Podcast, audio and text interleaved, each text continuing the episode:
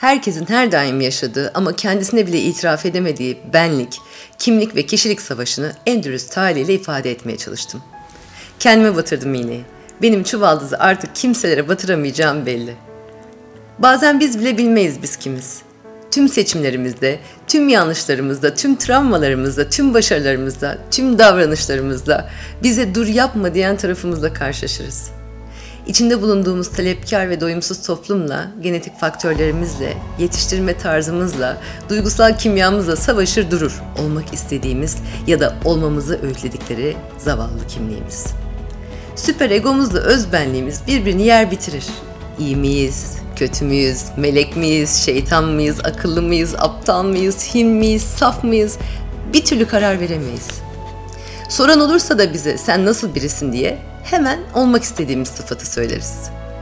Ve savaşırken birbiriyle olduğunu sandığımız olmaz olası kimlikler biz bile kim olduğumuzu bilmeden bu dünyadan göçüp gideriz. Oysa ki biz herkesiz. Sıfatlar yetmez kimliklerimizi tanıtmaya, kişiliklerimizi anlatmaya. Birkaç sıfatla kendimizi sınırlandırırsak bir ömre, bir ruha, bir yaratılışa, bir insana yazık ederiz. İşte bu kitapta benim kendimle yaptığım dürüst ve yalın sohbetimi bulacaksınız.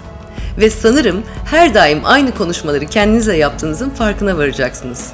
Delirmekten korktuğunuz anları bu kitabı okurken zevkle kucaklayacaksınız. Çünkü yalnız olmadığınızı anlayacaksınız. Kimlik için verilen savaş, savaşların en kutsalıdır bu evrende. Kendisiyle konuşabilen kişi en sonunda barışır kendisiyle.